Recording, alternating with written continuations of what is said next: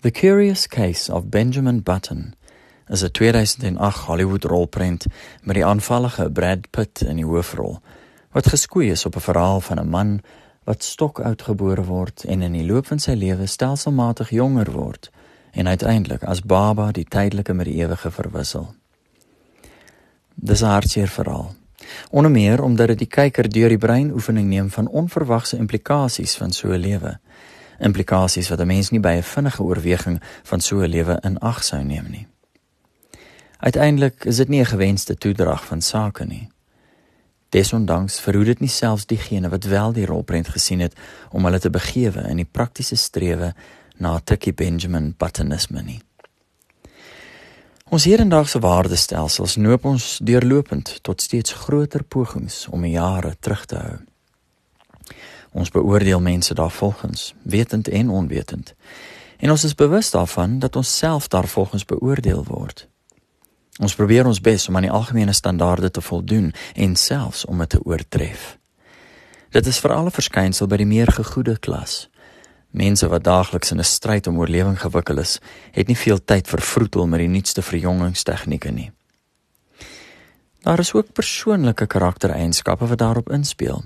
Die varierende neiging tot ydelheid van verskillende mense, die selfgemak, selftrots, kultuur ensovoorts.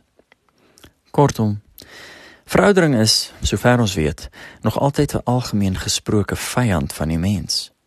Want ons oorlewingsdrang vergestaal prakties in ons konsekwente vermyding van die dood. Onafhanklik van ons vrees vir die dood, is ons vermyding daarvan 'n natuurlike instelling. En daarin merk ek geen skande nie. Die lewe is lekker. Die dood is onseker en die manier waarop die skoppensboer kom aanklop is in meeste gevalle nie aantreklik nie, in soverre dit dikwels met geweld, stuiptrekkings, pyn, wegkwyning en ontbering gepaard gaan. Ek wil egter nie die natuurlikheid, selfs sinvolheid van verjonging gebruik om die stryd teen veroudering sonder voorberoude goed te praat nie. Die werklikheid is dat dit besaai is met fisieke en morele strikke wat die onverhoedse onkant kan betrap om uiteindelik presies die teenoorgestelde te bereik, naamlik die verkorting van lewensduur. Die algemene westerse standaarde van skoonheid is hoofsaaklik 'n verjongingskultuur wat gerugsteun word deur die moderne nabootsing van jeugdigheid met inbegrip van die mees primitiewe biologiese fertiliteit se ingewing.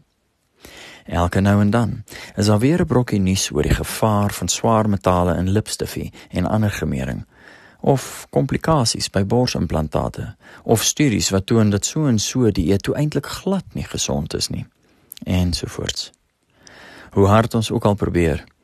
Ons maak foute in ons strewe na jeugdigheid en of die voorkoms daarvan. Die mees antieke dopas, soos matige oefening, sonskyn, minder stres en 'n liefde vir die wêreld en sy mense, bly die onweerlegbare staatmakers. Waarom ek om 9 uur op 'n Woensdagoggend na die tweede koffie aan sulke dinge sit en dink, het maar met die volgende te maak. Ek het in vele opsigte my lewe 'n bietjie ooreenkomstig die traject van Benjamin Button gelei. Ek was my ganse skoolloopbaan heel agter op die ontwikkelingspyl. Het in die weermag nog gelyk soos 'n laerskoolkind. Het op 28 nog steeds 'n skoolseun televisierol vertolk en opgehou nie omdat ek sigbaar te oud geword het nie, maar omdat ek toe meestal oor see in die musiekbedryf begin werk het. Ek het tot in my middel 30's nog in mini rokkies soos 'n jong dame kon rondtrippel. Later sou ek op byna 50 vir die eerste keer trou en kinders kry. Ek wag nog in spanning vir daardie eerste borshaar en verheug my in die stelselmatige verskyning van die eerste silwer in my haardos. En getrou aan die button sindroom, ruim ek my vaderskap met die luukse van aftrede met 24 uur teenwoordige ouerskap as gevolg. Dis egter nie 'n lewenstraject wat ek spesifiek sou aanraai nie. Dit het voor- en nadele ieder kant toe. Dis maar net hoe dit is. Maar vanoggend is die gedagte op die spits gedryf deur my gesprek met my beste vriend, vertroueling en sielsgenoot, my vrou, my jonger vrou. Ons het gepraat oor ons oudste dogter, die emosionele uitdagings wat die koms van haar jonger suster vir haar bied en hoe dit ons hantering van haar beïnvloed. Sy sal soms baie direk die konsep aan die kraag beet kry, deur tydens een van haar neeltirades pront uit te sê: "Ek wil aandag hê. Julle moet vir my aandag gee." Net so kom dit uit 'n 3-jarige se mond. En daar kom ek en vrou lief toe tot die beseffing as dit nie 'n woord is nie, woorde teen te wees, dat ons nooit weer so naby aan ons kind sal wees soos vandag nie. En dit is 'n deurgaanse waarheid. Elke liewe dag beweeg sy verder weg van ons af. Na mate haar onafhanklikheid toeneem, na mate sy haar eie skoene vol staan, haar eie idees vorm, haar eie belangstellings kweek. Sy sal uiteindelik vriende maak by wie sy meer graag sal wil wees as met ons. Dalk sal sy 'n eggenoot vind, kinders verwek en met elke oomblik daarvan steeds verder van ons ontwikkel.